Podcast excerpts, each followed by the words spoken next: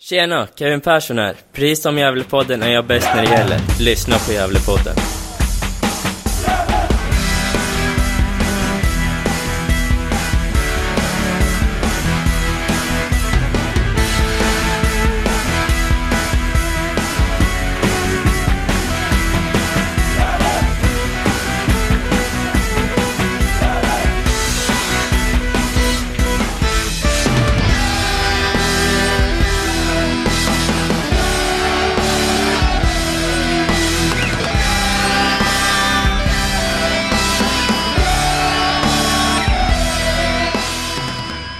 Hälsar er varmt välkomna till Gävlepodden 225. Denna gång ska vi fokusera på tabelltippningen återigen. Detta är andra avsnittet vi gör för säsongen. Eh, och det är det första pratar vi mer om Norrlandslagen då i division 1 norra, eller 1 norra som det heter nu. Och nu ska vi gå in på lite mer söderut får man säga nämligen Sandviken, Dalkurd, Sollentuna och BP. Och eh, som gäster, förutom mig då, Niklas Backlund, har vi med oss eh, Pontus Andersson, eh, gäst, och eh, skribent från eh, ettan Fotboll. Varmt välkommen! Tack så mycket. Hur är läget? Jo tack, det är bra. Intressant helg med många matcher, träningsmatcher, så det är mycket analys. Man får lägga ner och se vad, vad, hur, vart eh, lagen står någonstans. Mm, vi ska inte fastna så mycket där, men vilket lag har imponerat mest på dig under helgen? Eh, det skulle jag säga Skövde. Eh, fick väl rejäl utdelning mot eh, eh, Karlstad där, men samtidigt så om vi ska prata ettan norra så Piteå borta slog i Umeå där. Eh, det var ju imponerande. Mm. Ja, och eh, vi har också med oss Hugo Ådvall som driver eh, bloggen 1882. Bloggen som den heter faktiskt. Varmt välkommen! Stort tack! Kul att få vara med här igen.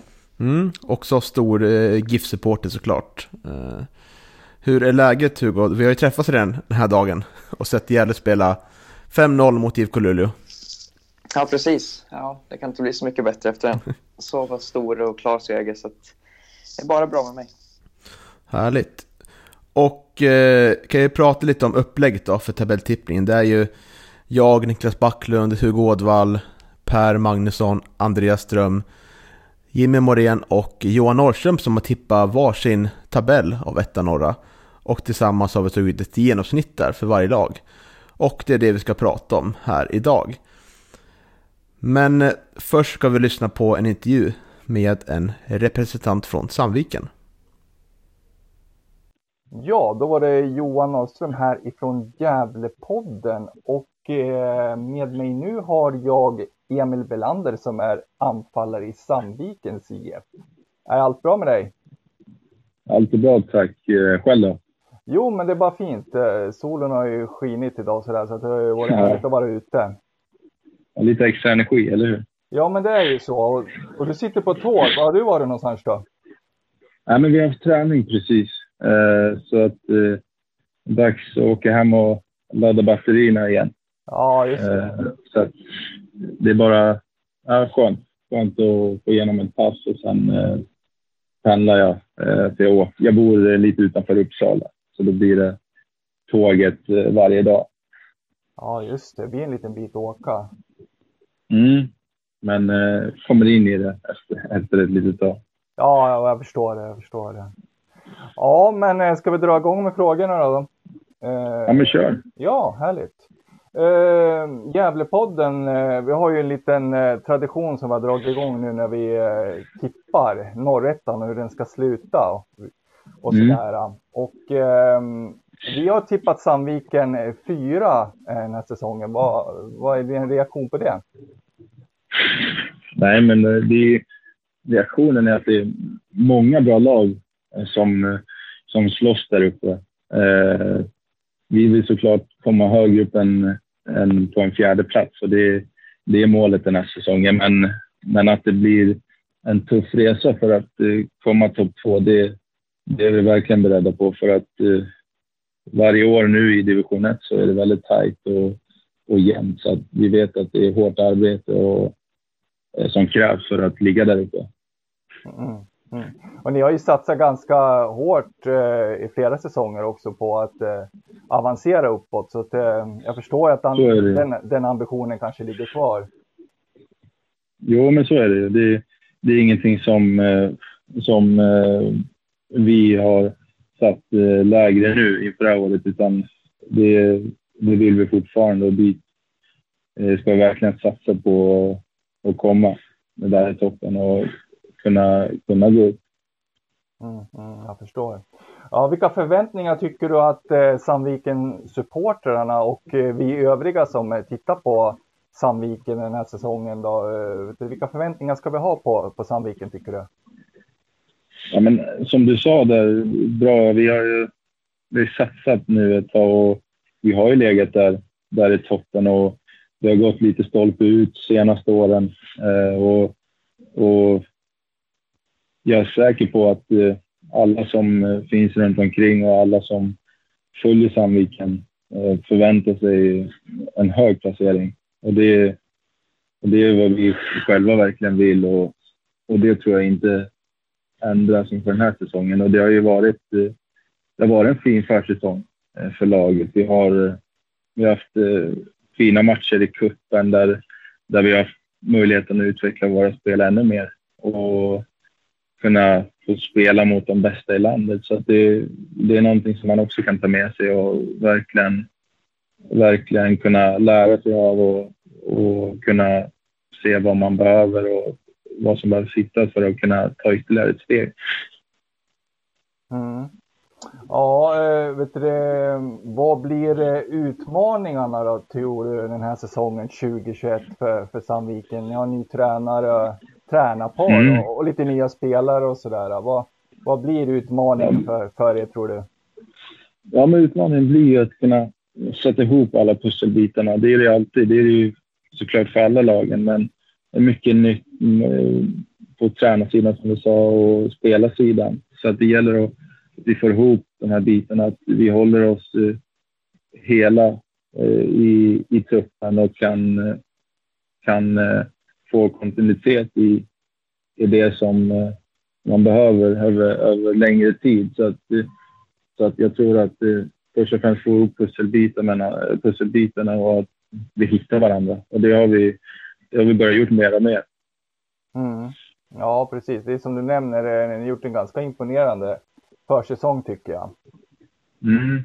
Och det kan man verkligen ta med sig nu i de här återstående eh, träningsmatcherna som är och, och, och, det är inte långt kvar till serien börjar. Nej, nej, det ska bli skönt att det ska dra igång faktiskt. Det må, ja, det måste jag säga. Verkligen. Ja, du, vi som eh, tittar på Sandviken nu då, den här kommande mm. säsongen, när vi ser, kollar på matcherna, vilka, vilka tre spelare tycker du i ditt lag man ska hålla lite extra koll på? Uh, det var en bra fråga.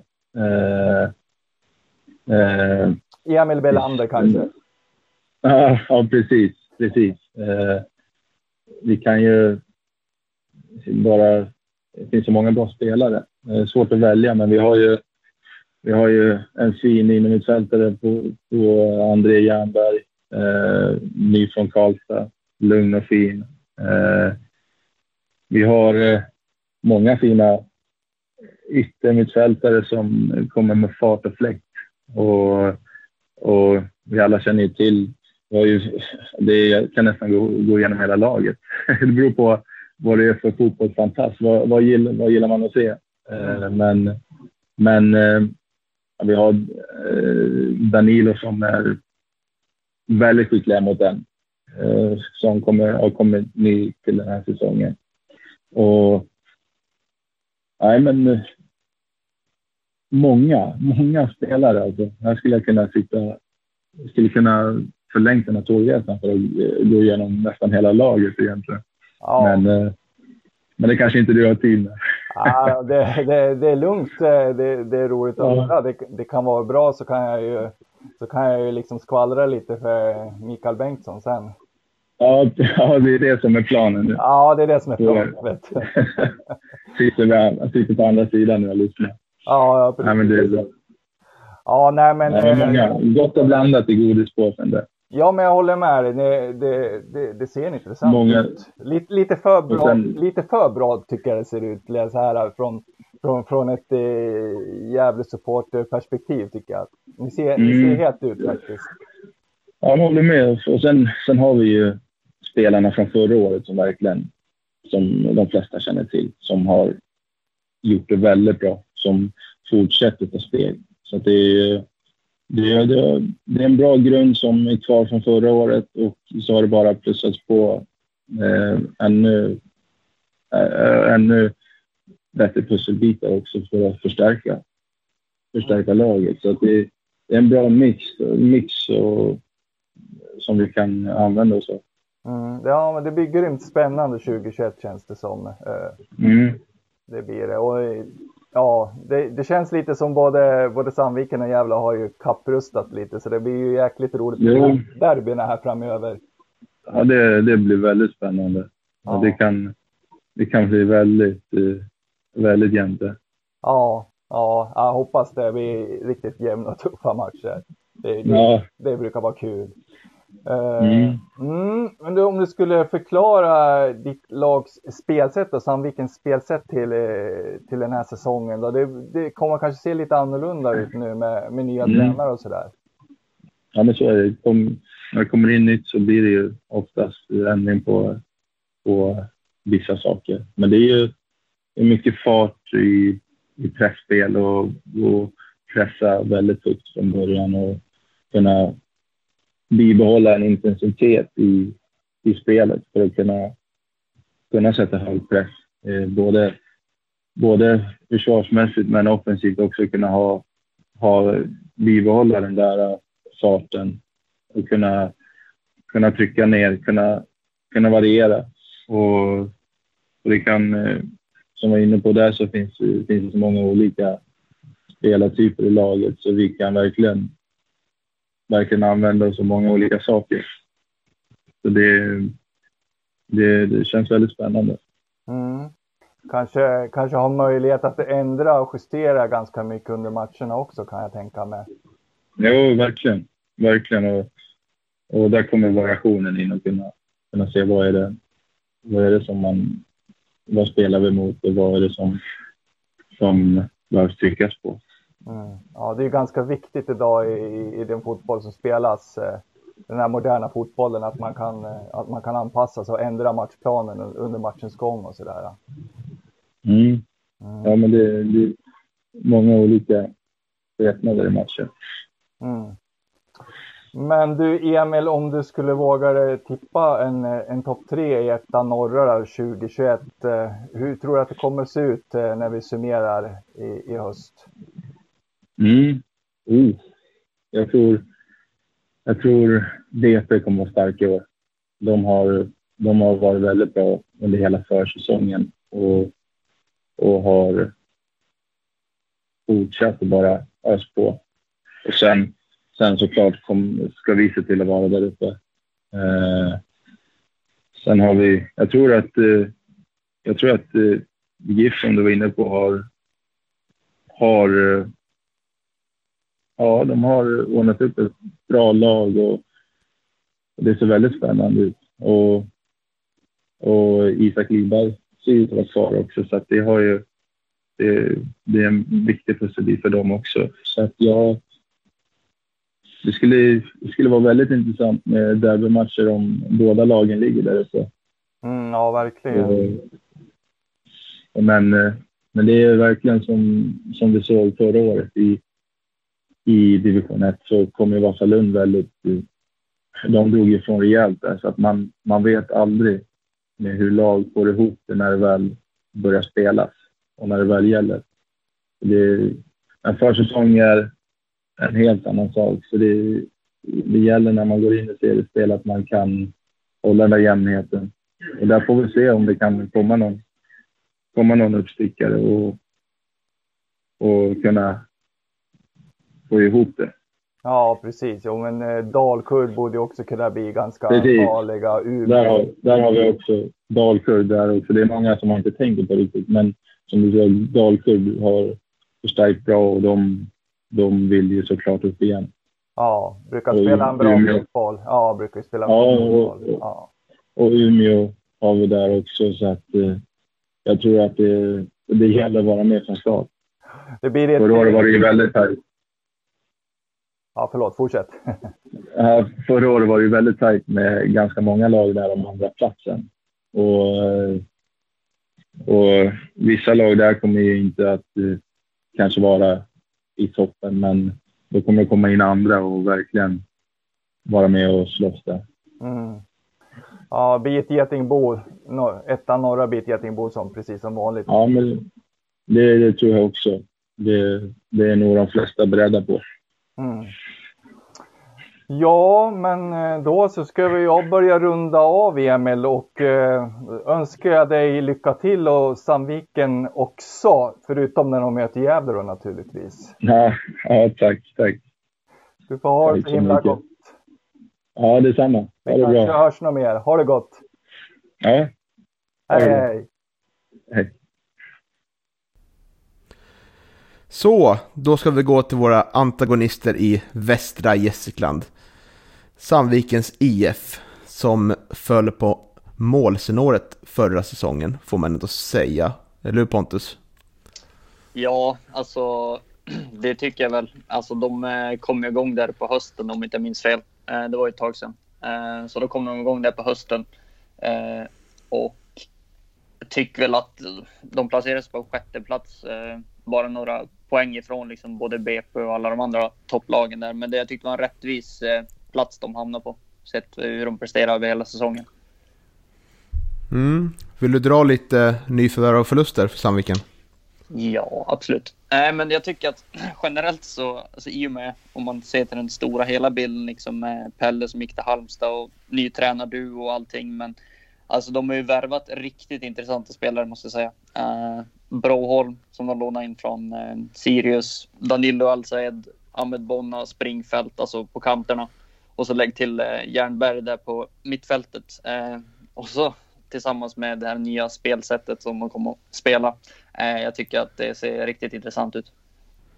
Mm. Hur vill de spela fotboll då? Alltså det, de vill ju attackera så fort som möjligt liksom, och sätta så hög press som möjligt. Eh, Jag tror att det kommer väl bli anpassningsbart beroende på vilken motstånd de kommer möta den här säsongen. De, de har ju sett på försäsongen också när de har mött eh, i lagen i Svenska cupen att man, de kan ligga lite lågt och sen samtidigt slå om fort. Liksom. Eh, Och det tror jag att det kommer vi få se i seriespelet också. Mm.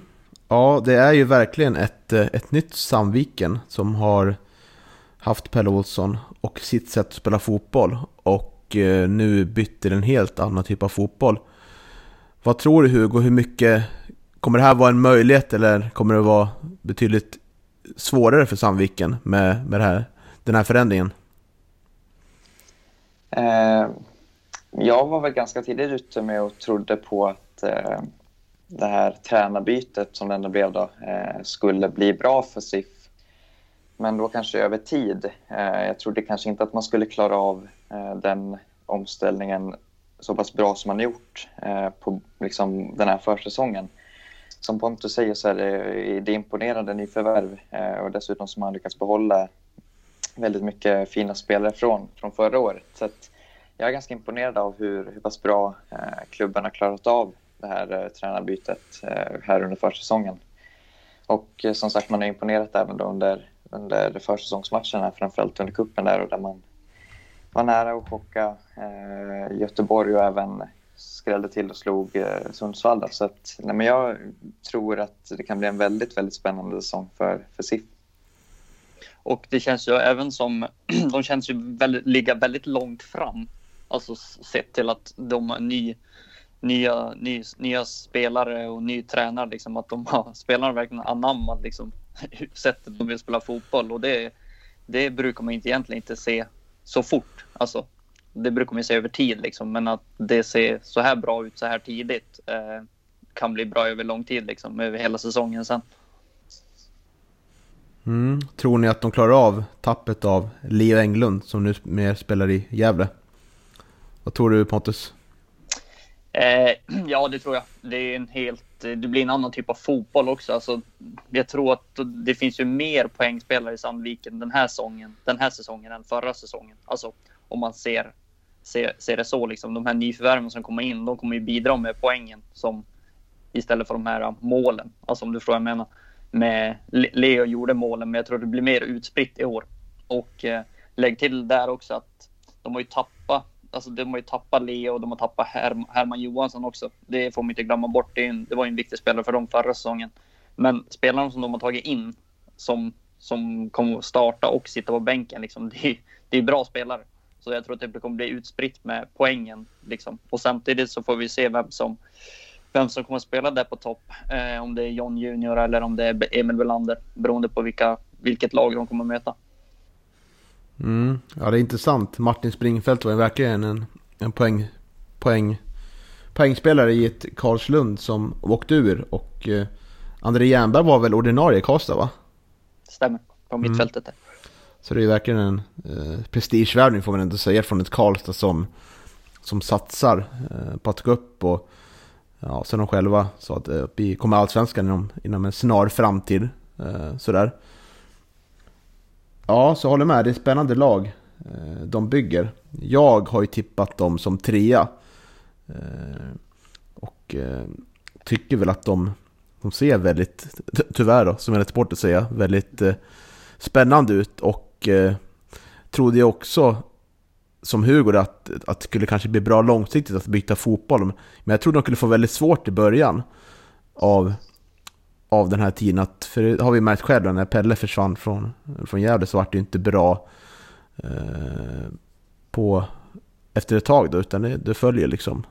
Eh, så ja, så, så, det tycker det ser väldigt oroväckande bra ut för att det gäller supporter. Och, eh, men sen tycker jag också man kan ha med aspekten i att eh, det är ju liksom dels tappet av Herman Johansson och Leo Englund. Också två poängspelare som verkligen höll klassen förra året och var bärande i det här laget. Och det ska man inte, inte, inte liksom överskatta, eller vad man kan säga liksom. Eh, mm. Eller underskatta kanske det blir. Mm. Men samtidigt som de, det nyförvärv, nyförvärv som man plockar in tror jag kommer att fylla det där glappet på så sätt liksom. Men eh, vad tycker ni om eh, nyförvärvet av, eh, ska se vad han heter, eh, från IFK Luleå där. Eh, Sebastian Viggebäck. Alltså, det känns ju som att Sandviken plockar en så pass sådan, sådan typ av spelare från en konkurrent liksom. Vad tycker ni om sånt? Mm, menar du ur ett, eh, att det är ur liksom att det är styrkebesked? Menar ja, så? Precis, ja, precis. Att de mm. plockar liksom från en seriekollega som hade väl, jag tror han spelade väl mest, hade väl mest spelminuter liksom i Luleå förra säsongen.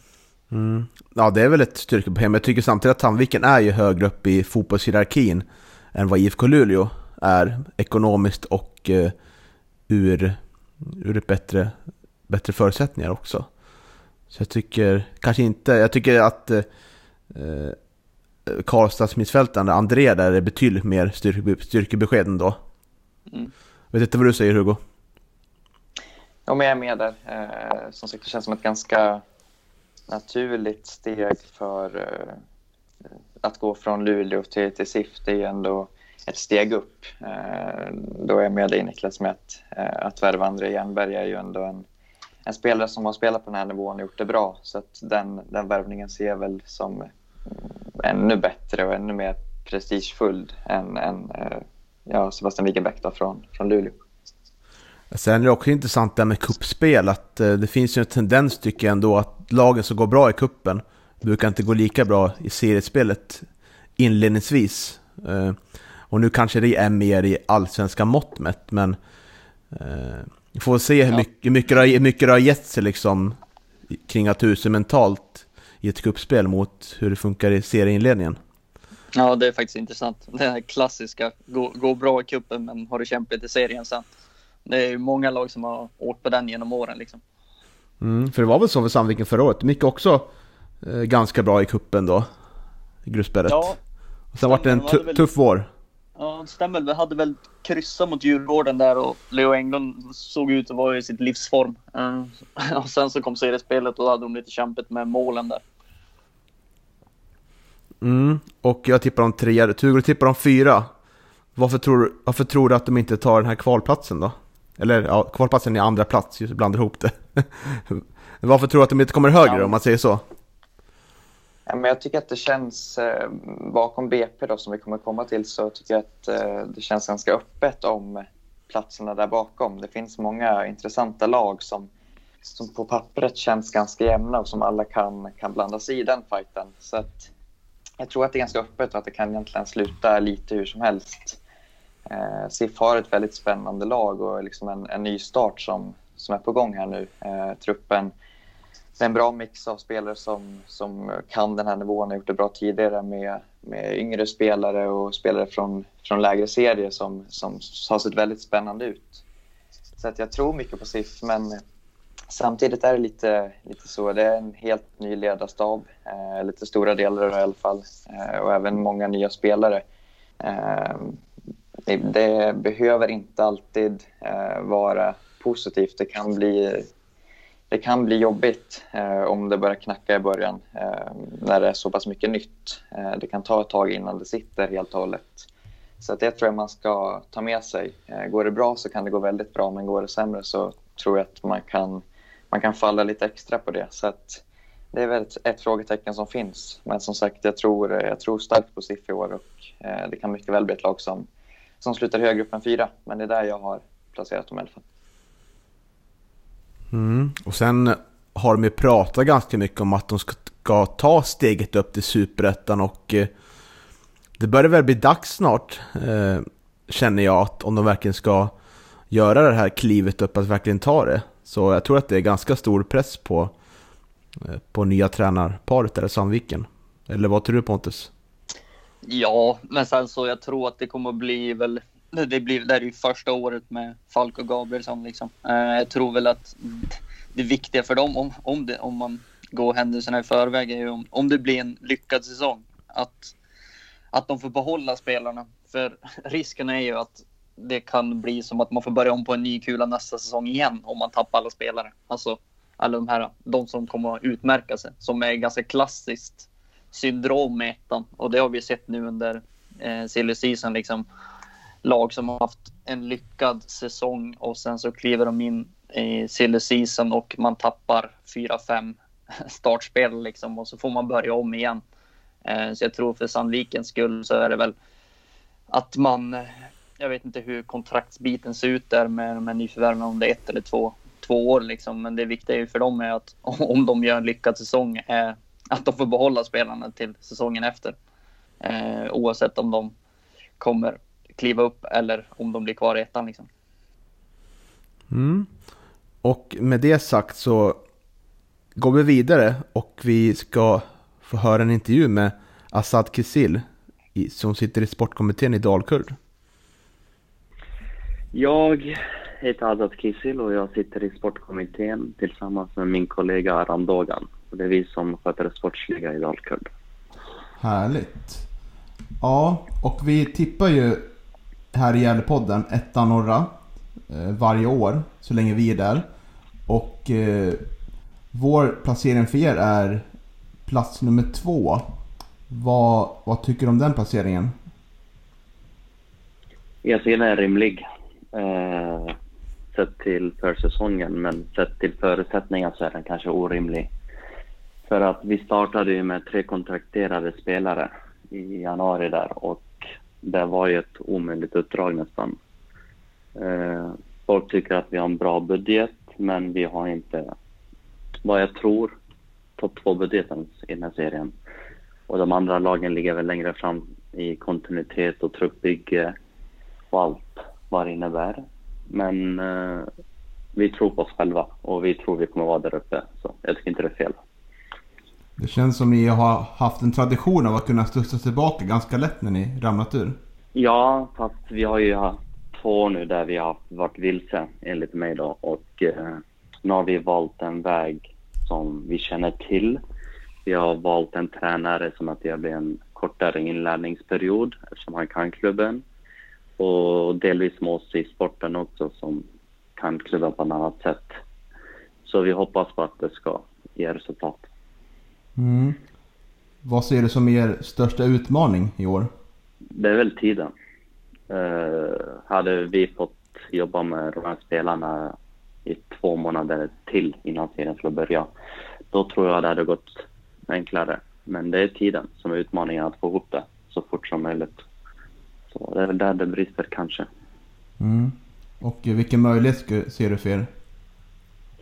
Ja, vi vill upp och vi har möjligheten att gå upp.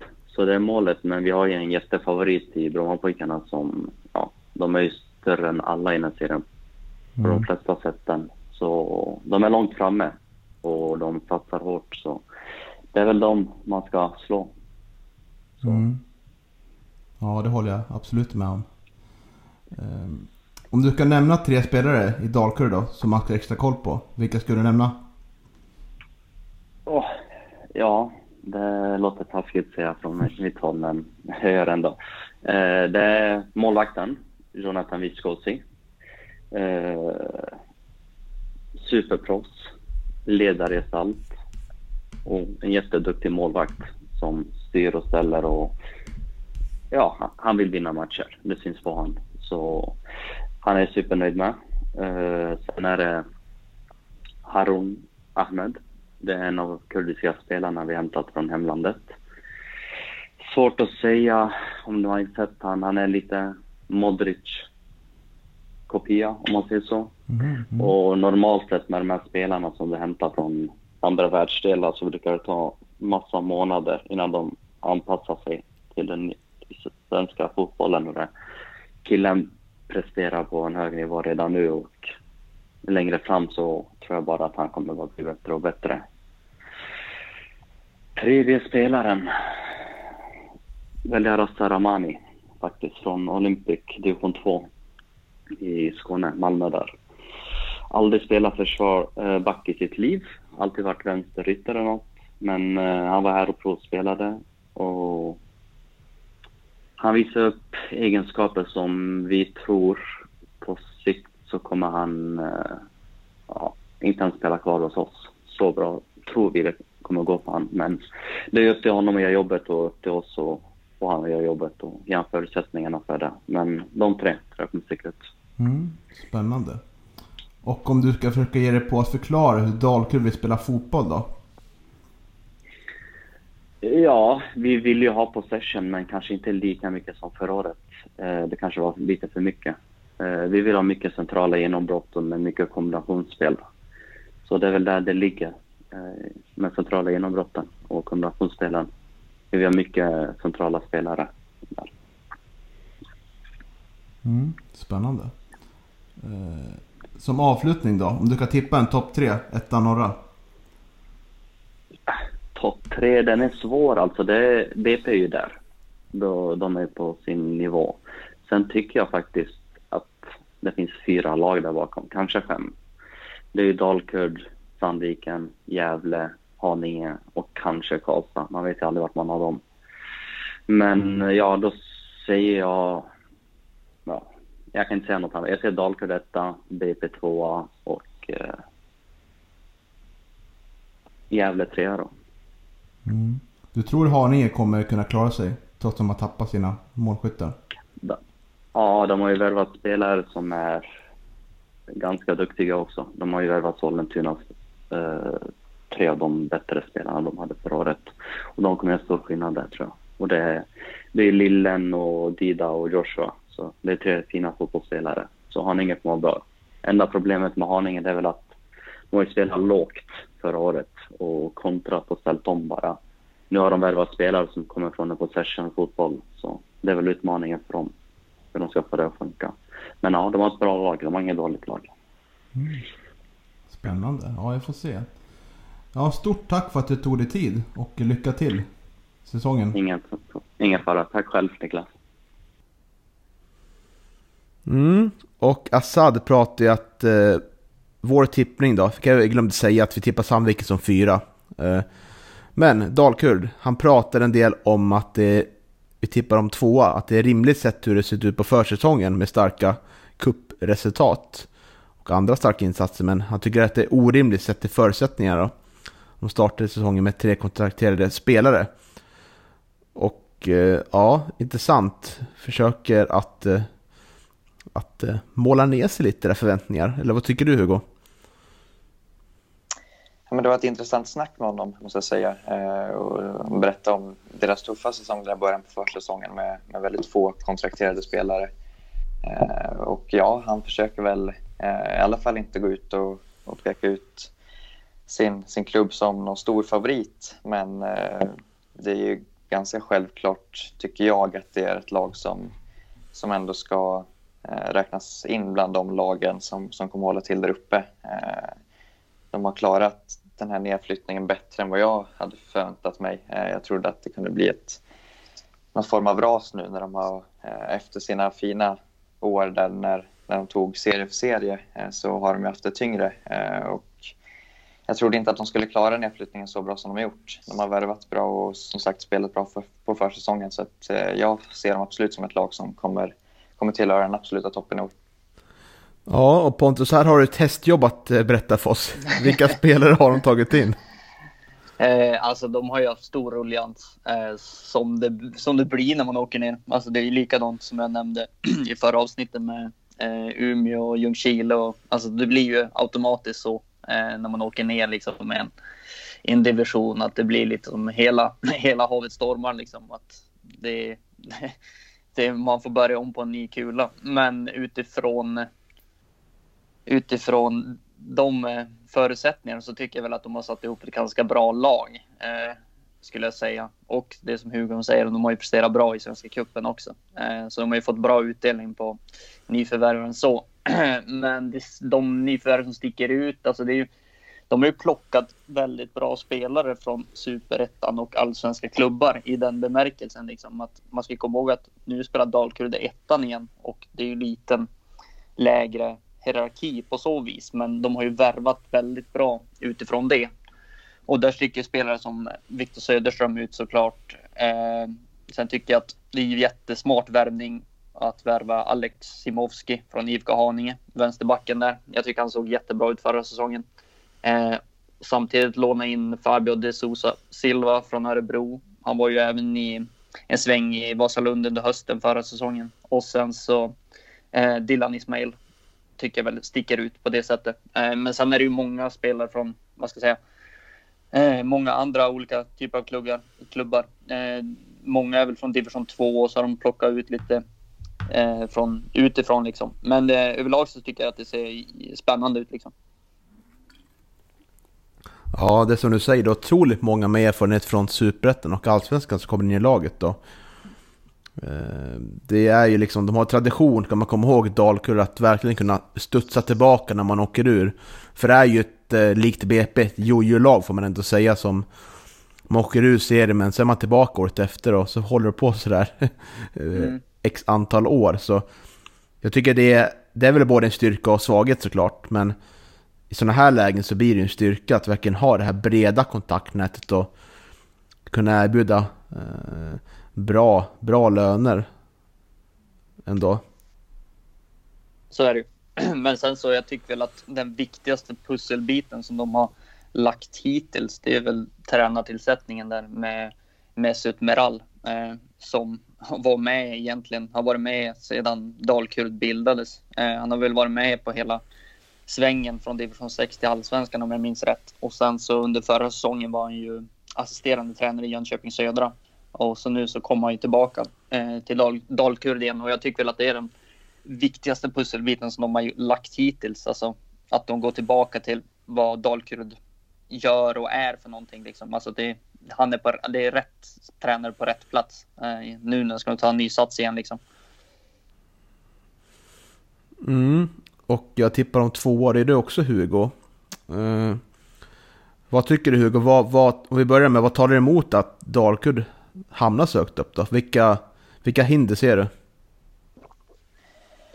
Ja, men det är väl kanske lite samma här som jag var inne på med, med Sandviken. Då. Eh, väldigt mycket nytt. Eh, och som sagt, eh, det kan bli svårt att få ihop, få ihop eh, så pass mycket nytt på en gång. Eh, och ska man hålla för, för toppen så, så behövs det att man är jämn eh, och bra under en hel säsong. Så att det är väl det jag skulle kunna se talar emot. Men annars så, som sagt, det är tydligt att de ändå vill och satsar på att eh, studsa tillbaka nu direkt. Och, och värvningar de har gjort eh, visar ju också på det. Så att jag håller Dalkurd väldigt högt eh, och har ju dem som tvåa också. Då, så att jag tror absolut att Dalkurd kommer bli, bli väldigt farliga år. Mm. Och eh, du Pontus som har följt den här serien under eh, x antal år antar jag. Mm. Eh, har du sett några mer, mer starka liksom, lag som flyttat ner från superettan eh, vara så här konkurrenskraftiga först, alltså i ettan? Än ja. Dalkurd BP? Ja, Eller ja, Dalkurd och Umeå menar jag såklart. Ja, det, ja, jag tänkte, jag var på väg att säga Brommapojkarna där också. Eh, men de, när BP ramlade ner förra säsongen så var de ju, de hade ju otroligt bra lag förra säsongen. Eh, som vi kommer även gå in på senare. Men BP's lag förra året är väl bland det bättre på senare tid liksom. Skulle jag säga. Mm. Och jag, jag, tror att det också blir en ganska trevlig säsong för Dalkurd. Eh, tvåa som sagt. Det, eh, det är otroligt eh, fina spelare man fått in och det finns ju några erfarenheter från spelarna som verkligen vill göra grovjobbet. Så det kommer nog bli en ganska trevlig säsong för Dalkurd, numera i Uppsala då. Men det ska, ja, det ska bli intressant att se hur, man, hur de hanterar favoritskapet. Eh, målar ju ner det otroligt mycket själv där. Eh, vilket i och för sig de flesta, flesta tränare och sportchefer gör. Sådär. Det, det finns väl det finns bara en klubb i Sverige som måla upp sig själva som favoriter och stå för det liksom säsong efter säsong. Eh, resten vill väl inte ha riktigt det här favoritskapet. Jag tänkte, och då syftar jag på Malmö FF. Eh, men sen känns det som att ingen vill väl egentligen bära ett favoritskap i Sverige på det sättet. Ingen vill ha väl en, ingen vill ha den onödiga pressen. Lite konstigt ändå, är det inte det? Nej, men det, det, det är så Sverige, lite, för, lite försiktiga. Ja, jag tänker att man bör vara stolt över vad man vill åstadkomma. Men det är väl jobbigt att ta smällen sen efteråt om det går åt helvete. Ja, precis. Eh, vad tror ni förresten om Viktor Söderström eh, som de plockar in från Akropolis? Eh, är det en, en, spelare som skulle kunna göra plus 15 mål för dem i år? Ja, vill du hugga på den Hugo? Ja, men det, det tror jag absolut. Eh, som sagt, jag har ganska dålig koll på på hans eh, 2020. Men eh, jag var ju och såg när GIF spelade mot Akropolis borta 2019. Eh, och ja, det jag liksom var kvar från den matchen, förutom att det blev en 3-0 förlust, så, så var det just att, att Viktor Söderström var eh, väldigt, väldigt bra. Han eh, har en fysik som är ja, otroligt bra. Han är tuff eh, inne i straffområdet Dessutom är farliga, två farliga fötter. Men det är en målskytt eh, av hög, hög klass på den här nivån. Eh, vilket han har visat tidigare. Så jag, jag, tycker, jag tycker att det är ett väldigt, väldigt starkt nyförvärv av, av Dalkurd som, som absolut kommer att bli eh, väldigt nyttig och viktig för dem den här säsongen. Ja, jag håller med. Det är en spelare som var med under det fantastiska året Akropolis hade 2019. Det var ju en otrolig fotboll de spelade det året. Vart ju helt chockad när man såg, såg det på Spånga IP där när Gävle vart utskåpade och eh, Akropolis hade fem, sex man inne i straffområdet men ändå lyckas inte Gävle eh, kontra in någon boll. Kanske mer, säger mer om Gävle 2019 då än, än Akropolis men eh, Nej men absolut. Eh, vi har ju pratat en del om att eh, erfarenhet av att spela i ettan det det är jätteviktigt för att kunna lyckas och det borde Viktor Söderström absolut kunna bidra med. Så det är en riktigt fin värvning. Ja, känner vi oss klara med Dalkurd? Är det något att tillägga? Nej, det är lugnt. Bra, då tar vi oss vidare till Sollentuna och då ska ni få lyssna med klubbchef Mikael Torstensson. Ja, säger stort eh, välkommen till Mikael Torstensson, klubbchef i Sollentuna. Hur är läget? Jo, men det är fint med mig. Tackar. Mm.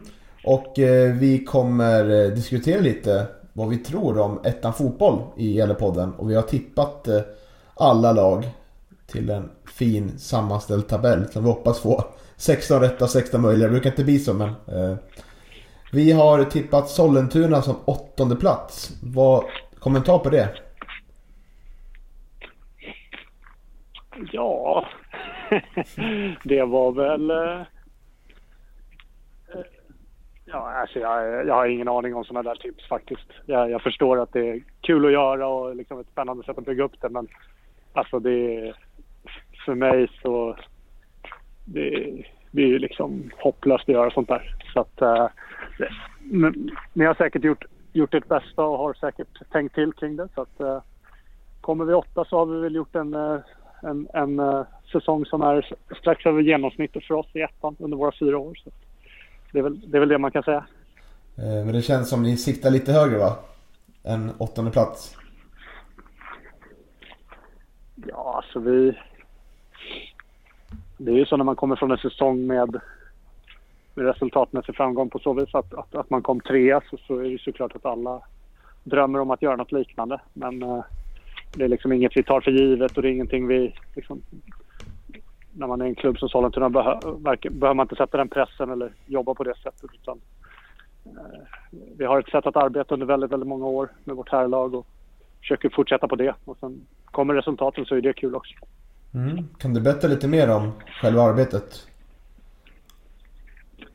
Nej, men det är framförallt att fortsätta med det vi har gjort under de här åren. Vi, vi är ju en, en, en, en förening i, i Stockholm med, med de resurser som kommer av det. Liksom. Eh, förmodligen eh, i det lägre spannet vad gäller resurser kring vårt herrlag än vad lag ute i landet har generellt sett eller, eller de riktigt stora klubbarna i, i den här serien.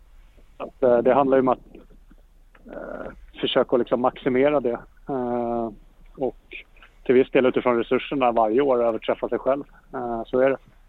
det. Det är ju ingen hemlighet. Eh, så för oss handlar det väldigt mycket om att hitta rätt typ av spelare. Eh, fördelen med att vara i Stockholm så är är ju såklart att det finns väldigt mycket spelare att tillgå. Eh, så att, att, att bygga en trupp som hela tiden liksom innehåller spelare som vill Eh, pusha sig själva, vill bli bättre. Eh, och i stort sett alla spelare hos oss vill ju vidare, liksom, eller vidare, men de vill uppåt i karriären. Eh, både som individer men gärna såklart med Sollentuna också. Så, det är väl framförallt det och sen mycket fokus på att ha bra resurser kring laget. Så att, bra tränare, proffsig verksamhet så, i, i den mån det kan. Att det ska vara, man, man ska känna att Sollentuna är en bra miljö att komma till för att utvecklas som fotbollsspelare. Det är det vi har haft fokus på de senaste åren. Mm, spännande. Och eh, vad blir utmaningen kontra möjligheten för er i år att göra en riktigt bra säsong? Eh, Utmaningen ligger väl ganska ofta för oss. Eh, vilket det är för fler klubbar såklart. Det, det är ju så att på något vis att man alltid bygger att man har ett flöde av relativt många nya spelare in. Eh, det är ju så att när man är i en bra miljö och får spelare att utvecklas och sen dessutom då gör resultatmässiga framgångar så, så blir ju ens spelare ännu mer attraktiva för lag uppåt. Och det har vi ju verkligen visat till, eh, till i år med spelare som har gått både till Allsvenskan och Superettan. Så att utmaningen blir ju såklart alltid på något vis att få ihop en ny, en, en ny trupp på det sättet som man har gjort tidigare. Eh, och då ska man ju få ihop det. Sen en specifik utmaning för i år så har ju såklart jag menar, i och med för, hur förra säsongen såg ut och corona så har ju lite allting förskjutits. Liksom. Man, förra året spelade vi fram till sista november och sen i stort sett hade man ju ingen verksamhet direkt efter det. Utan sen fick man starta upp i januari och göra saker då. Liksom. Så att eh, allting är lite förskjutet eh, och det är en utmaning. Men det är sam, där är det samma utmaning för alla lag så att det är väl egentligen ingen, inga konstigheter. Eh, och möjligheterna är väl att vi har en jäkligt stark trupp tycker vi. Eh, vi har byggt ett bra lag redan nu. Eh, haft ett antal veckor tillbaka som vi kan se på där vi i stort sett har format vår trupp. Vi tränar jäkligt bra. Vi har bra träningsförutsättningar i Sollentuna.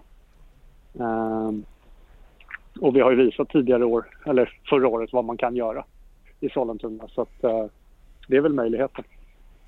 Mm. Och så har ni en otroligt fin arena kan jag passa på att säga som gör Sport. Jag tycker Sollentunavallen är fantastiskt charmig. Dels med Edsviken där bakom och eh, Ja, lite betongmässigt sådär. Ja, den är ju väldigt, eh, väldigt speciell kan man i alla fall kalla den. Alltså det, miljön är ju väldigt fin. Samtidigt som det egentligen är en ganska så här, gammal arena och lite alltså, sliten på, på sitt sätt. Men eh, hela miljön där den ligger och sen framför allt då kvaliteten på gräsplanen gör ju att det blir eh, att det är en väldigt fin hemmaarena. Så det, vi, vi gillar den också så att säga. Mm. Och om du vill nämna tre spelare då i Sollentuna som man ska ha extra koll på i år. Vilka tar du fram?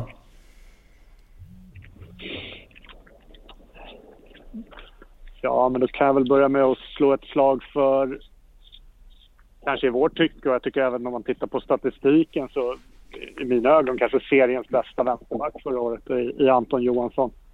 Eh, det är en spelare som har varit hos oss sedan barnsben. Han har gjort över 100 matcher för oss redan, även fast han, han är född 96. så Han är ju fortfarande inte alltför gammal. Eh, det, det, är ju en spelare som vi nästan är så lite chockerade över att man inte har scoutat bättre uppåt och, och, och, och plockat. Så att eh, om han fortsätter med samma säsong som han gjorde förra året eh, som på, på den positionen så, så tror vi att han kommer vara en, en av seriens bästa definitivt och borde locka till sig spelare. Eller borde locka till sig eh, andra klubbar. Um, ja, vad ska vi mer ta fram då? Vi kan väl lyfta... Vi, hade en, vi har en anfallare som heter Jaber Abdi Hakim som kom till oss i somras. Uh, uh, en oerhört kraftfull uh, forward. Två, över två meter lång. som som vi såg väldigt mycket råämnen när han kom till oss i somras som vi har jobbat med och uh, han, han, tror jag kan explodera i år om, om saker stämmer. Uh, ett jäkla målsinne uh, och, och ja, jobbig att möta för motståndarna med den fysiken. Så det är väl två stycken då. vad ska man ta tredje? Då har jag tagit två spelare som fanns hos oss förra året. Um, ska vi lyfta då? då? Vi kan väl lyfta Robin Sundgren. Om vi ska ta ett nyförvärv då. Det finns ju många duktiga nyförvärv hos oss men eh, Eh, Robin Sundgren har kommit in här ganska nyligen ändå. Men har ju funnits på vår radar under en längre tid och är ju Sollentuna-spelare från början men har varit i AIKs akademi under, under eh, flera år. Eh, men är ja, tillbaka hos oss nu då för att göra sin första riktiga seniorsäsong. Och jag tycker att han har sett väldigt intressant ut med sin Uh, ja, både de egenskaperna som spelare men också som karaktär. Så att, uh, och har man de generna så, så ja, det, kan bli väldigt intressant tror jag. Det är en rolig spelare att fylla, uh, titta på. Han har ju fyllt det tomrummet till viss del som Lukas lämnar efter sig eftersom han såldes till AIK. Mm. Ja, spännande. Och om du ska ge dig på att förklara hur, hur vill Sollentuna spela fotboll? Det är väl som, man, som alla kommer säga att man vill vara spelförande, man vill hålla i boll. Ja. Eh, men samtidigt tycker jag också att eh, vi, vi, vill ha fart framåt. Eh, vi vill framförallt egentligen vi vill attackera och vi vill hota. Eh, vi vill vara jäkligt svåra för motståndarna att läsa.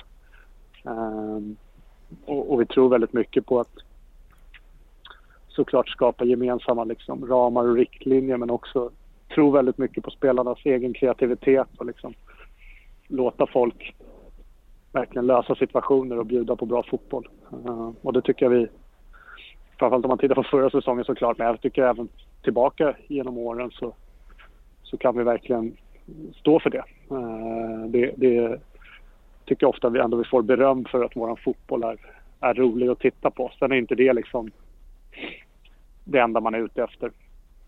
Uh, man vill, vi vill ju precis som alla andra vinna matcher och ta poäng men uh, det är klart när man kan kombinera de två så, så är det jäkligt kul. Och, och spelarna tror jag känner väldigt ofta när de kommer till oss att vi, vi har en tydlig idé med vad, vad vi vill göra och uh, hur fotbollen ska spelas hos oss. Mm. Och om du ska se spåkulan då, hur slutar etta norra 2021? En topp tre? Ja, jag inledde ju med att säga att jag är både relativt ointresserad och jag tycker det är jäkligt svårt att... Eh, alltså det, det är så svårt att se vad de andra lagen gör på försäsongen och sätta det i, i någon form av kontext. Liksom. Men eh, det är klart att vi ska väl lägga lite favoritskap på dem som ska ha det. Så det. Min känsla är ju såklart att med de resurser som finns i, i BP och Dalkurd så, så är det ju en oerhörd besvikelse för dem tror jag om de inte är med och, och slåss om plats nummer ett och två. Det tror jag. Eh, så, så BP och Dalkurd bör nog vara där uppe. Mm. Alltså tredjeplatsen, det är nästan så att jag utifrån förra säsongen och så här. Det är, det är skitsvårt att säga. Eh, men jag får väl säga Sollentuna. Ja, det är bra. Helt rätt. På dig själv.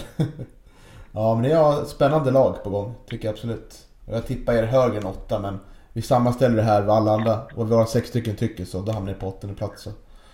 Ja, men det är bra. Jag litar mest på dig. Ja, det är bra. ja, då får, jag, får jag tacka dig Mikael för att du tog dig tid och lycka till inför Ja, säsongen. Tack själv. Ja, det var ju ett trevligt samtal jag hade där med Mikael som spelar, får man ändå säga, på ettan norras finaste anläggning, Sollentunavallen. Eller hur Pontus? Ja, man gillar ju löparbanorna där. Och lite betongmässig och sådär och eh, Edsviken bakom. Det är sköna kontraster där. Och eh, vi Gävle Sport har ju fina minnen ifrån Sollentunavallen. 2019, matchen som aldrig tog slut, eller hur Hugo? Är det är en, eh, både en drömarena och ett drömmotstånd för oss, eh, för oss GIF-fans. Eh, Det är ju som sagt en väldigt fin arena som ligger i en väldigt fin miljö. Men eh, framförallt så har ju vi, vi lyckats väldigt, väldigt bra där. Dels eh, den, den otroligt eh, ja, känslosamma och sköna matchen 2019 men även premiären förra året som också blev lyckad med 2-1. Då. Så att, eh, nej, Sollentuna är ett lag vi, vi gillar. Absolut, det gör vi. Och eh, Mikael pratar ju mycket om att eh, man jobbar ganska medvetet i Sollentuna med att eh, ja, hitta rätt spelare och eh, få dem att utvecklas där. Det ska vara spelare som vill utvecklas också. Och det har man ju visat tycker jag. Eh, genom att det är många som har gått vidare till Allsvenskan där. Senast till, till AIK va? Eller hur Pontus? Ja, det stämmer. Eh, Lukas, Lukas Forsberg där. Eh, och sen så Taha Ali också, eh, får man inte glömma. Och sen har de ju eh, Lager Bjelke som gick till Västerås och eh, Daniel Söderberg gick till Vasalund. Eh, det var väl de fyra övergångarna som gick uppåt. Sen har det väl varit lite övergångar eh, till andra lag eh, i ettan. Eh, men jag tycker att Sollentuna fick väl maximalt utdelning på sin trupp förra året. Liksom att alla de här spelarna eh, som har varit där ett tag utvecklas till sin eh, maxkapacitet om jag säger så inom situationstecken. Eh, Christer Mattiasson och Rebas Hassan fick väl eh, vad ska man säga, de, de, de lyckas med sin bedrift liksom att bygga under lång tid och sen så vara med och utmana där i toppen. Eh, och det var ju väldigt nära där eh, att de skulle knipa mm, eh, kvarplatsen där uppåt. Men det var väl näst sista eller sista omgången som det avgjordes liksom. Mm. Och eh, har ju som du säger fått en, eller sa du inte, eh, men Christer Mattiasson har ju lämnat men eh, kom in en ny tränare från Karlberg. Kan inte namnet på honom nu, men det kan du säkert Pontus. Douglas Jakobsen. Mm. Eh, den yngsta tränaren i ettan i år. Eh, tre månader yngre än Martin Falk om jag räknade rätt där. Eh, så det blir väldigt spännande att se vad han kommer göra med det här Sol med Sollentuna i år. Eh, om jag inte minns fel så har han även varit målvakt i Sollentuna tidigare eh, innan han eh, eh, blev tränare i Karlberg och så, och så vidare. Eh, men det känns ju som att Sollentuna bygger ju liksom, de bygger över tid liksom, de bygger inte kortsiktigt. Och, eh, efter den här succésäsongen som de hade förra säsongen så började de på en ny kula liksom. Och det har ju hänt en hel, en hel del liksom, så det är ett nytt lagbygge och allt sånt. Så det ska bli kul att se de, hur de står sig liksom i år eh, mot, mot eh, konkurrenterna. Mm. Och det är ju många tunga spelare man har tappat. Tänker jag på. Det är dels eh, Gustav Lagerbielke då till Västerås. Ung, ung mittback va? Stämmer. Han har ju presterat jättebra för Västerås under, nu under kuppen. Eh, och han har ju fått väldigt många som har hyllat honom. Eh, så det är jättekul att ettan liksom skickar spelare uppåt till superettan och allsvenskan. Eh, och som även levererar liksom. Eh, Lagerbielke hade ju mest speltid av alla 0-0 förra säsongen. Eh, så Västerås såg ju potential i honom redan förra säsongen. Men att han skulle ta sådana stora steg liksom redan så här tidigt på försäsongen är ju jätteroligt för honom. Eh, men jag tycker väl att tappet av Taha Ali är ju också jättetungt. Han var ju otroligt bra för eh, Sollentuna förra säsongen. Han är ju en riktig poängspelare och artist. Det händer ju alltid någonting när han har bollen liksom. Och detsamma med Monir Jelassi som gick till Brommapojkarna. Han, han tycker han var riktigt bra också. Mm, precis, man tappar en del andra spelare till, till BP ser jag nu också. En målvakt ja, för Westerberg och David Slotnik, ja, tror jag inte säga. Ja, precis. Ja, så det är många tunga tapp och eh, han har tagit med sig några spelare in. Eh, den nya tränaren från Karlberg. Ja, Herman Magnusson där. Eh, tycker väl att han, om jag inte var ute och, ute och simma nu så var, blev han utsedd till en, typ årets spelare eller någonting. Eller det var något sånt där. Division 2s bästa mittback eller ja, det var något sånt där jag läste i förbifarten. Mm. Så det blir spännande att se liksom att man plockar in division 2-spelare eh, och sen så låter de utvecklas över tid liksom och sen får de ta steg uppåt. Liksom. Mm, absolut, och eh, jag tror att det är, är väldigt bra väg att gå. Man verkar vara ganska duktiga på att hitta de här, eh, de här rätta spelarna då, som man själv nämner, Mikael Torstensson. Och eh, vi får väl se om det blir en, mitten, om det blir en säsong i, som går lite mer mot nedre halvan då, eller om det fortsätter gå uppåt. Eh, vad har du Hugo att säga om Sollentuna 2021? jag tycker att man eh, fortsätter på sin, eh, liksom, eh, sin strategi, att, som ni båda varit inne på, att, att ja, plocka spelare, talangfulla, yngre, liksom ifrån närområdet och att utveckla dem. Förra året fick man ju, som ni också sagt, maximal utdelning av, av truppen eh, och stod för en jätte, jättefin säsong. Eh, jag tycker väl att den spetsen som man ändå hade förra året, att den kanske inte finns på riktigt samma nivå eh, den här säsongen. Man har tappat eh, en hel del viktiga spelare och inte ersatt eh, riktigt, riktigt lika bra. Så att jag tror inte att man kommer kunna vara med eh, i den toppstriden som man faktiskt var med i förra året. Eh, utan jag håller dem eh, absolut på, på den övre halvan men inte i toppen. Så att jag har väl eh, placerat dem som sexa, eh, vilket jag tycker känns ganska rimligt. Ja, och vi har tippat om åtta då i den här gemensamma tabellen. Och eh, jag tycker väl det som talar, talar för Sollentuna det är att man har fått in en väldigt spännande tränare som gått ganska bra i Karlbergs BK. Det är en klubb som jag i alla fall haft ett litet öga på när jag kollat eh, resultaten från övriga Sverige. Lite mer lägre divisioner så. Jag tycker det är en bra och spännande rekrytering som eh, som ja, signalerar ändå att man, man, vill, man vill någonting med sin fotboll. Sen så tal, det som talar emot det är att Christer Mattiasson har ju lämnat till BP då.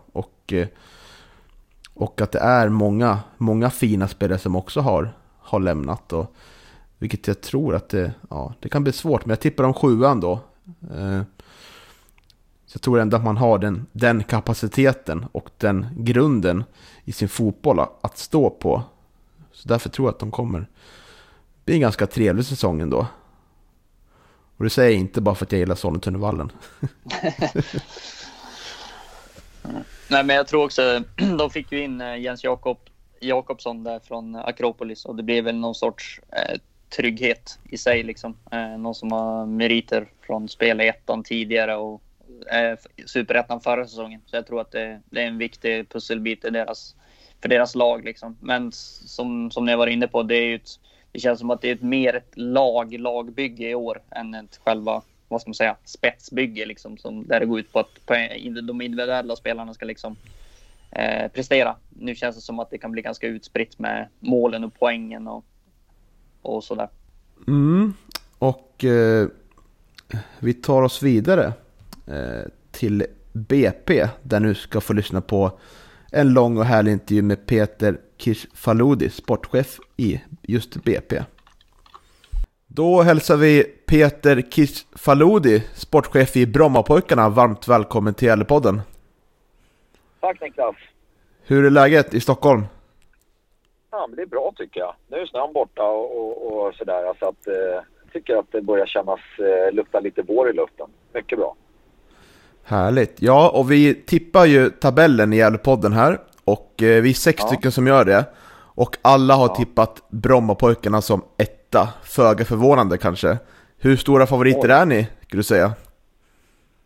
Ja, vi och eh, eh, tre, fyra lag till kommer väl vara med och slåss om att och, och, och ta första platsen tror jag. Och, så att jag tycker inte att vi är skyhöga favoriter, det, det vill jag inte säga. Vi ska veta att vi har två lag eh, som kommer från superettan som satsar på att gå upp direkt och det är både Umeå och Dalkurd så att jag tror inte vi ska göra så här jätte, jättestora liksom och lägga eh, all tyngd på våra axlar. Det tycker jag inte man ska göra för att eh, de är jätteduktiga. Sen vet jag att det finns andra också eh, som vill vara med och förstöra där. Bland annat Gävle tror jag och Karlstad. Så att eh, Haninge kommer vara en liten dark horse även från... Vi mötte ju dem i en träningsmatch och vann med 2-1. Det var en stentuff match. Så att eh, eh, jag tror att eh, det är flera lag som... Eller förlåt, 1-0 var det mot, mot eh, Haninge tror jag det var. Mm. Så att det kommer bli jättetufft. Så att det, jag vet hur det är. När serien sätter igång, det är något helt annat än träningsmatchen. Så det kommer bli tufft. Mm. Och eh, ni var ju jättenära att gå upp eh, förra året. Det var ju bara en straffläggning som, som skilde er att gå upp till Superettan. Hur kan du säga att ni, ni befinner er inför säsongstart om man kollar samma period förra året ungefär? när serien skulle börja? Eh, jag tror att vi har ett, eh, jämnare lag nu. Det känns ändå som att vi kan ha eh, alltså, en skada i varje lagdel och ändå och kunna ha ett väldigt bra och starkt lag. Det tror jag. Eh, eller kanske en skada på varje position ska jag inte säga. Men vi, vi, jag tycker att vi har en lite jämnare trupp i år. Eh, jag tycker framförallt att vi har en bättre balanserad trupp åldersmässigt.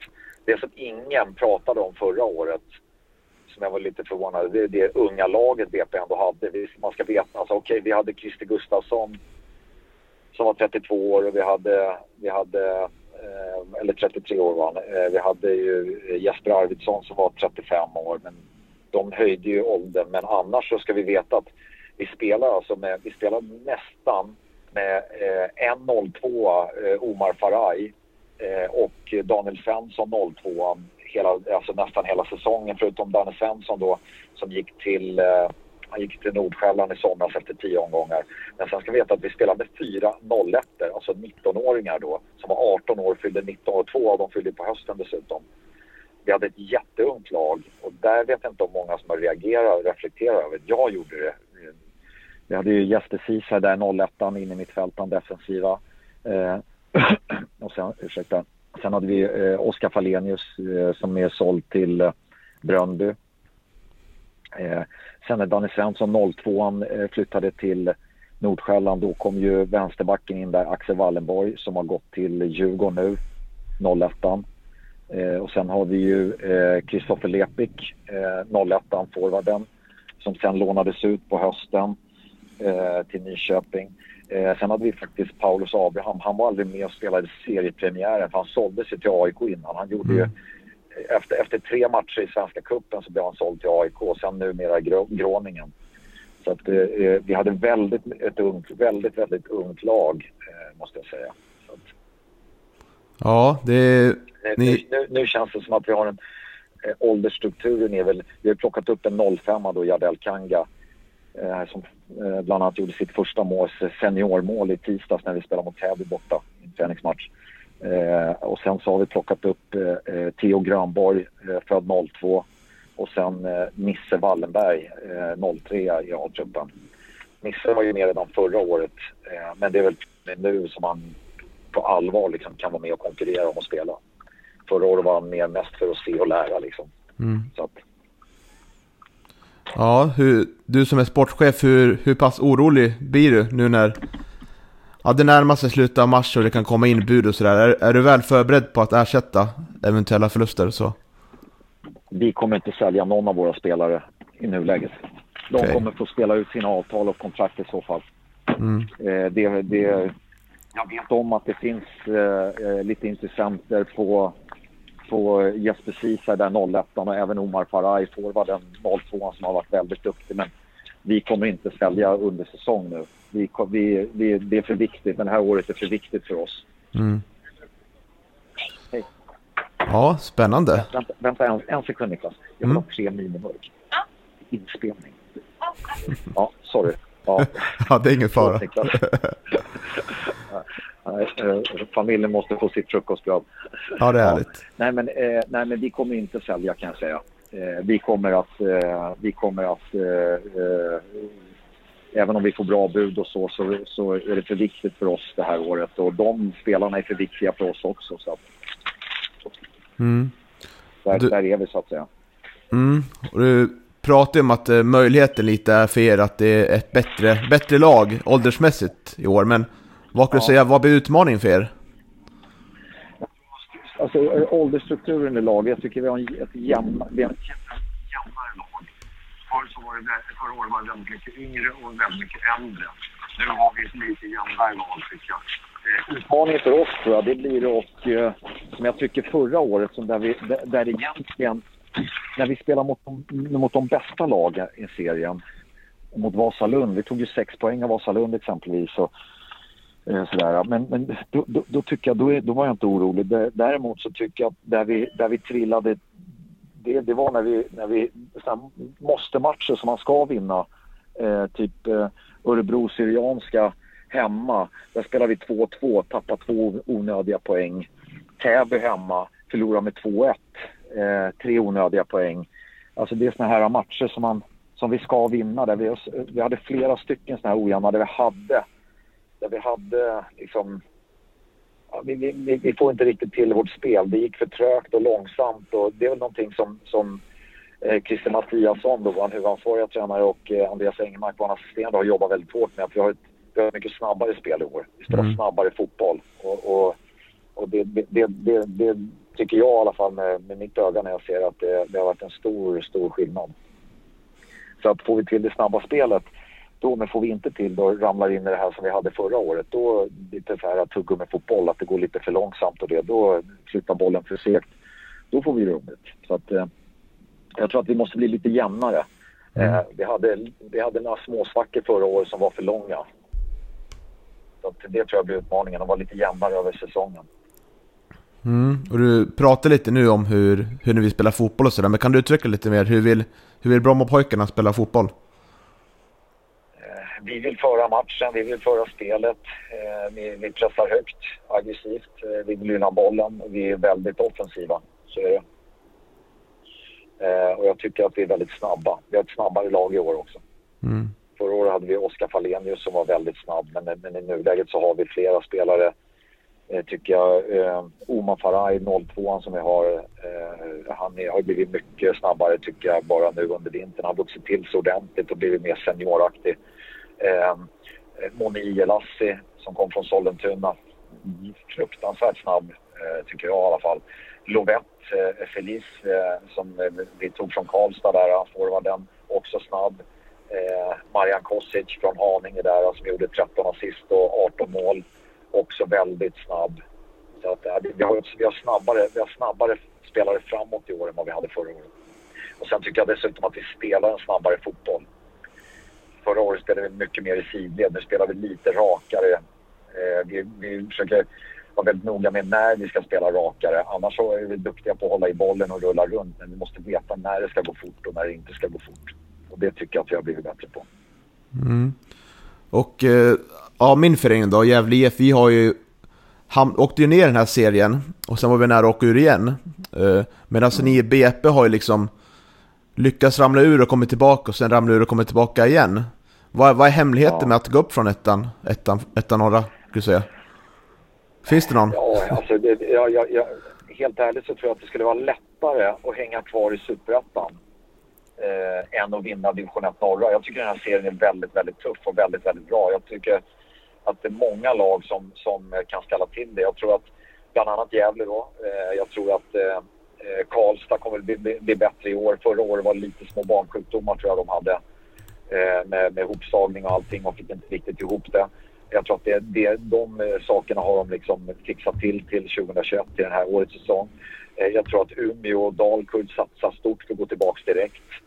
Eh, och sen är det BP. Jag tror att, och sen Haninge, de är förvånansvärt bra och starka. Ett riktigt karaktärslag där alla jobbar enormt hårt.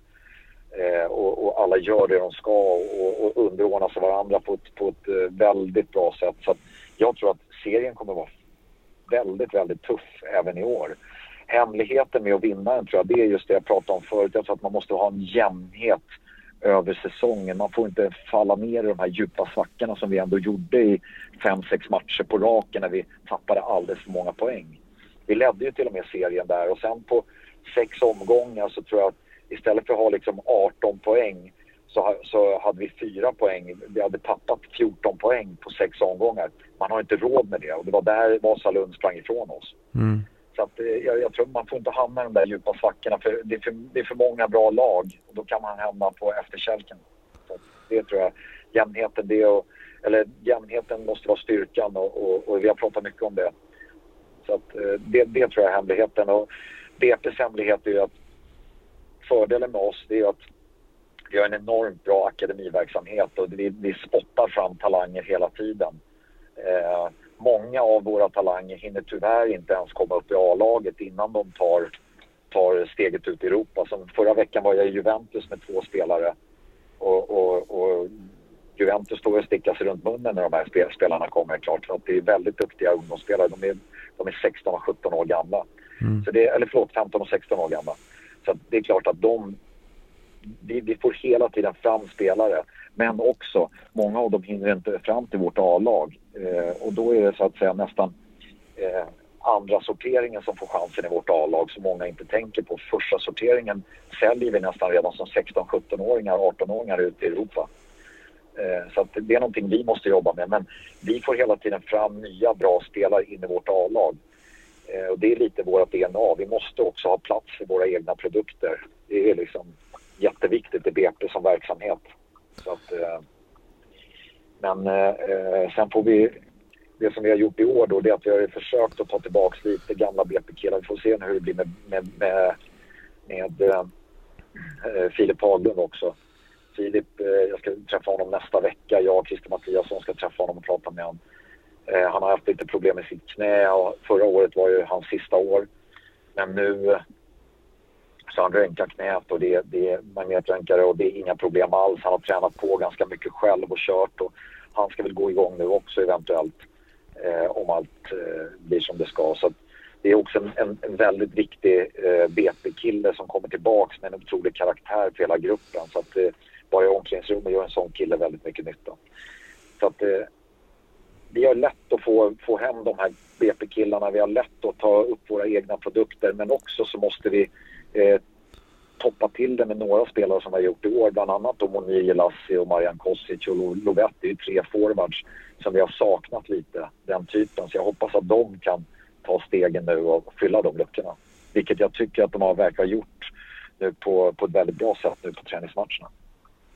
Mm, jag tycker det är intressant det där du, du pratar om eh, att första sorter, sorteringen eh, lämnar BP innan de får chansen i A-laget ens. Hur, hur, tänker du som sportchef där? Har du så här, ha, eller har ni resonerat kring att vi kanske ska ha kvar några år till för att komma upp snabbare sådär? Eller hur tänker ni? Det, det, precis det du säger nu, det, det säger alla till mig. Ja, men det är väl bara att ha kvar dem några år och ta upp dem i A-laget.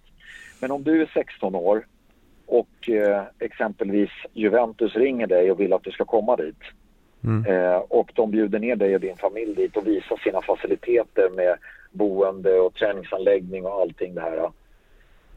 Och sen får du en månadslön som är en, en, en allsvensk lön i princip och du är 16 år.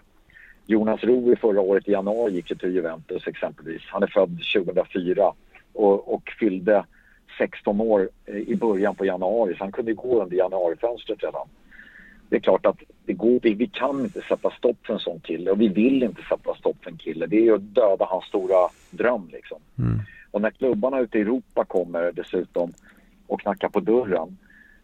För oss är det väldigt viktigt att ha samtliga de här unga duktiga spelarna under kontrakt för att då, då kan vi också få tillbaks pengar som vi kan fortsätta lägga in i vår ungdomsverksamhet så att vi kan fortsätta satsa på att få fram nya talanger. Eh, och det, så här är det väldigt ofta. Eh, en av våra spelare som är väldigt ung nu, där har alltså bara nu senaste tio dagarna så har Red Bull Salzburg hört av sig, Chelsea, eh, FC Köpenhamn, FC Nordsjälland, Schalke 04. Där är, de, de, de är alltså, samtliga klubbar har hört av sig om en och samma spelare. Mm. Det är klart att det är svårt när du är 15 år att tackla det. Så vi är väldigt noga med ha mycket kommunikation med föräldrarna för att skydda spelaren. Eh, så att det är väldigt viktigt för oss det här och det är en spelare som vi tyvärr inte kommer kunna ha kvar i, i våran, eh, i vår, alltså hela vägen upp till A-truppen. Det, det har ju vi förstått.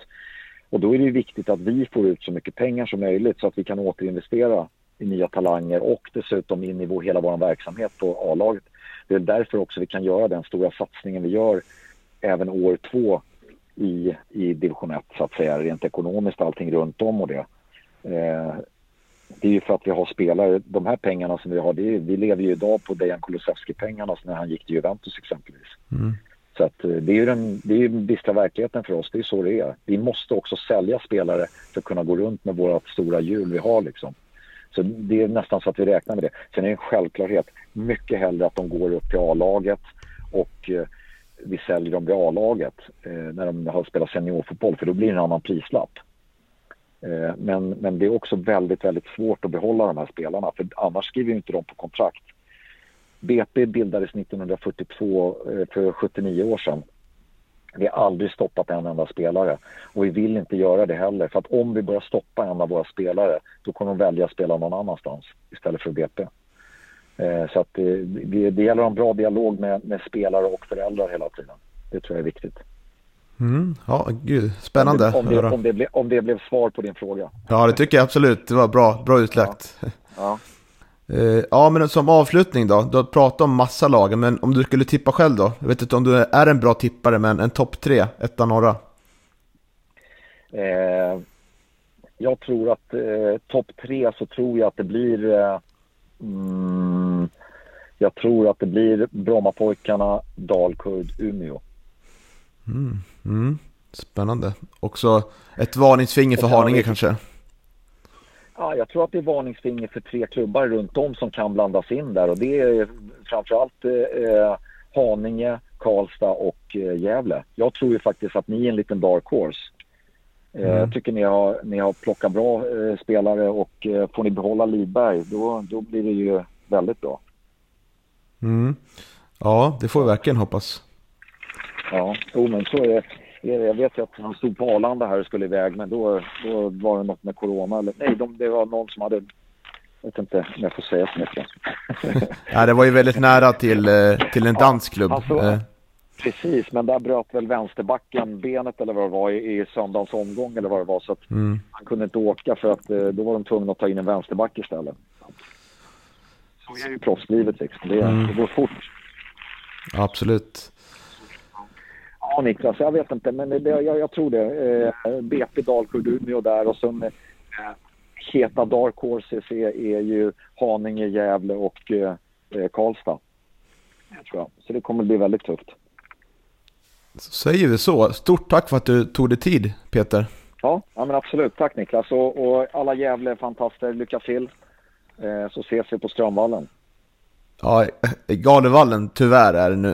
Eh, Jaha, gal- är det? Ja, fast Strömvallen är kvar, men vi har byggt en ny sen 2015, Galevallen där, bredvid hockeyarenan. Aha, aha, okej. Ja, men, Men, ja, men jag eh, var inte med förra året, det är därför. Ja, Ja, men Strömvallen finns kvar, Ja, så ja, går det att kolla. För, för alla, för, för alla Gävle-supporter, ni avskyr väl mig när jag nämner det här, men eh, jag var ju sportchef för Café Opera hösten 1999 när vi spelade 2-2 på Strömvallen. Eh. När vi, eh, och spelade 0-0 på Djursholms IP. När vi, vi gick upp i Superettan och eh, Gävle fick inte följa med upp i Superettan då den nya Superettan bildades till säsongen 2000. Då var jag sportchef för FC Café Opera. Jag var ju där i nio år. Eh, och eh, jag vet Pelle Olsson var ju faktiskt på Djursholms IP tre dagar innan matchen för att mäta planen åkte han till Stockholm för att mäta planen för han har hört så mycket illa om Djursholms IP.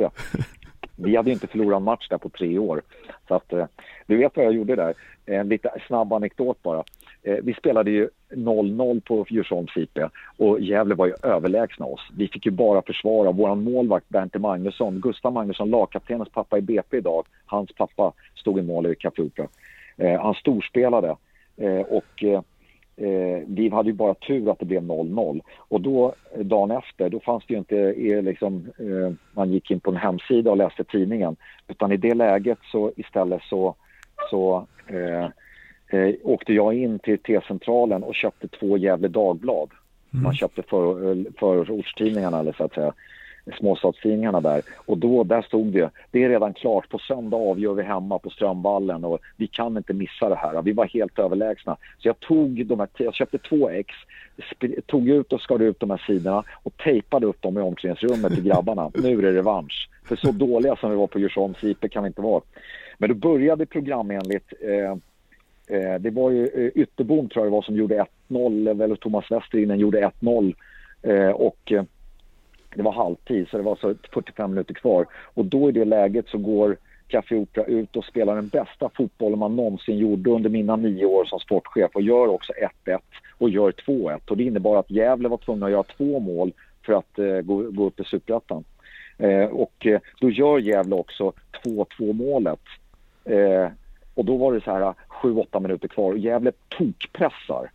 Och på, på övertid så går Ytterbom och touchar den utanför straffområdet med en nick och Västerinen löper in bakom vår mittback och så stutt, bollen studsar på straffpunkten och Västerinen klipper på halvvolley och vår målvakt Bernt Magnusson hoppar ut och gör en sån här, du vet, en sån här, nästan en sån här handbollsräddning. Han hoppar rakt upp och har fötterna upp i ansiktet. Sån här. Och det, han säger fortfarande att det är hans livs räddning. Så nära var det att inte FC Café Opera skulle spela i Superettan och att det blev att Gävle åkte ner och att de inte spelar Superettan. Så ibland har man tur. Mm, fantastiskt minne. Men det var lite anekdoter om, om Gävle i alla fall. Men, men, men jag har bara goda minnen ifrån, från, från Gävle. Så. Men ja. vi får ses. Ja, men lycka till i alla fall alla äh, Gävle-fans och äh, så ses vi. Ja, tack gott. detsamma. Ha det bra. Tack Niklas. Tja. Tack Niklas. Hej. Ha det gott. Hej. Mm, och det där var ju en otroligt härlig intervju tycker jag man fick göra. Eh, och eh, ja, en liten, han har otroligt minne den här Peter tycker jag. Eh, den här kaffeopera-anekdoten som ni fick höra nyss, den är ju... Ja, han beskriver den ganska bra utifrån hans perspektiv då som sportchef i, i dåvarande Opera. men jobbigt för ett jävligt perspektiv att höra. Eh, ja, det är väl ingen av er Hugo var ju, du var ju knappt född när den här matchen spelades. Eh, men Pontus, har du hört någonting om den här matchen innan? Nej, ingenting jag... Nej. Eh, ingenting jag reflekterar över liksom, eller snuddar vid. men det var en härlig, härlig anekdot. Ja, och eh, vill väl liksom inte spela upp sig som så stora favoriter ändå. Eh, Peter där, utan tycker att det är i andra lag som är, eh, ska ha med att göra också. Eh, pratar ju om att de har ett jämnare lag nu. Eh, att de har råd med skada i varje lagdel. Bättre balanserat lag åldersmässigt. Eh, vad tycker du om det han säger, Hugo? Det var väldigt kul att få, få lyssna på den här intervjun. Peter är ju ganska känd i, i vårt fotbollsland. Så det var en väldigt bra intervju och det märks att han att han har en, en, stor kunskap och vet vad han gör. Eh, som han säger och som du också var inne på nu Niklas så, så tycker jag att truppen ser bättre byggd ut i år. Eh, förra året så hängde det mycket på ja, men ett antal spelare som, som gjorde eh, mycket av, av det viktiga för dem. Eh, I år känns det jämnare och bättre byggt. Eh, och jag ser ju årets BP-lag som ett ännu bättre lag. Eh, och förra året var man storfavoriter så att för mig så, så finns det på pappret inget annat lag som ens kan, kan hota BP. Jag ser BP som den, den klara ettan och sen så kommer det vara en kamp eh, där bakom om, om andra platsen då. Så att, nej, BP ja, är väldigt, väldigt, väldigt stora favoriter i mina ögon. Ja, vad kan du säga Pontus? Är de större favoriter i år än vad de var förra året? Ja, det skulle jag säga. Eh, men sen ska man ju komma ihåg också att eh, de var ju favoriter förra året, men sen var det ju andra lag som eh, var, var, bättre än dem. Eh, Brommapojkarna kom ju egentligen inte igång förrän liksom efter sommaren förra året, eh, då de började vinna ordentligt. Alltså, Brommapojkarna hade ju problem med målskyttet förra säsongen. Det var ju deras, jag tycker väl, eh, deras stora bekymmer liksom att de hade egentligen ingen som gjorde de här riktiga målen. Haglund kom ju in, han var ju skadad och han kom in senare eh, efter sommaren och då började ju maskineriet rulla liksom och de plockade de här tre, tre och fyra noll segrarna. Eh, det var ju lite kämpigt där på eh, för, eller under tidigt på säsongen eh, där, de, där de kryssade och förlorade en del och, och sådär. Så det var lite oroväckande för dem. Men som, som Hugo säger också, de, de har ju de har ett jämnare lag i år. Eh, det är ett, det är ett riktigt eh, bra lagbygge som, som sportchefen i BP har byggt ihop. Eh, och värvningarna som de har gjort är ju, de håller ju hög klass i ettan. Eh, jag tror att det ingen klubb i ettan har väl värvat egentligen bättre än dem. Eh, alltså Miriam Kosik, eh, Carl Nyström, Jelassi, Felicia från Karlstad där och sen som en, som en jackpot så förlängde även Alice Ulic kontraktet eh, en säsong till. Eh, så det var ju, det, blir, det är ett riktigt bra lag som de har i år eh, och jag skulle bli förvånad om de släpper in mer än 15 mål i år. Eh, förra säsongen släppte de in 23, eh, så jag tror att de kommer nog kliva under 20-strecket åtminstone i alla fall. Mm, ja, det var otroligt svårt att göra mål på BP förra året. Och jag har suttit och tänkt på själv, vad, vad, finns det liksom för, för utmaningar för det här BP? Och det, det är svårt att hitta något. Det ska ju bara eh, bli första platsen för BP. Det är så pass bra lag de har nu. De har, som du säger, fått in Haninges båda målsprutor för, från fjolåret då. Så det, ja, det är svårt att hitta saker som talar emot BP. Det som skulle kunna tala emot det är att alla vill slå BP. Och eh, ja. ja. Precis, det är det, det. Alltså BP måste ju prestera. BP måste prestera match efter match nu. Eh, men var, vad man ser till liksom den här försäsongen eh, med några, några matcher kvar innan serien börjar så har de ju, eh, om jag säger rätt, så har de 23-3 målskillnad och de har vunnit sju raka matcher eh, och då har de ändå mött eh, allsvenska lag liksom i i olika typer. Det kanske inte har varit ordinarie startelver i sig, men det är fortfarande ett styrkebesked att, att ha 23-3 målskillnad på innan när man kliver in i säsongen. Det säger ganska mycket om hur långt de har kommit och vilken form och vart de vill, vill någonstans liksom. Mm. Och för att återkomma till, intervju, eller återkomma till intervjun som vi hade här med sportchefen eh, Peter Kisvalodi Eh, Eh, är ganska tydlig med att man inte kommer sälja någon under säsongen. Eh, och eh, menar ju att det, det, har man råd med för att man, man sålde Dejan Kulusevski där. Fick ju pengar för den övergången till, till Juventus som han gjorde. Så det är ju också ett statement i sig att känna att den här truppen vi kommer bygga med, vi behöver liksom inte ta in någon ersättare i sommar för vi kommer inte sälja någon. Nej, men så är det ju. För grejen, de sålde ju, om jag minns rätt, så sålde de ju för 39 miljoner kronor under 2020 eh, och gjorde en vinst på 25 miljoner kronor. Eh, så det är, det är starkt. De står ju bra rustade inför framtiden och eh, det är som Peter var inne också på, de närmaste och som de var, som har varit intresserade liksom, det är ju Faraj och Ceesay där och båda de två fick ju speltid förra säsongen och eh, gjorde bra ifrån sig eh, utifrån att det var deras första seniorsäsong. Så jag förstår ju att, att de ser ju pot verkligen potential i, i de två. Och dessutom har de ju eh, supertalangen eh, Kanga där, Kang, Kangnell, eh, där också står på tillväxt liksom. Så det kan, han kan bli en joker i år också. Mm, ja, de har ju verkligen en unik talangfabrik där i i, i Brommapojkarna som verkligen producerar år efter år som gör att de, att de ständigt kommer vara, ja i alla fall i toppen av, av ettan ettan norra räkna med. Och eh, på sikt kanske även i superettan.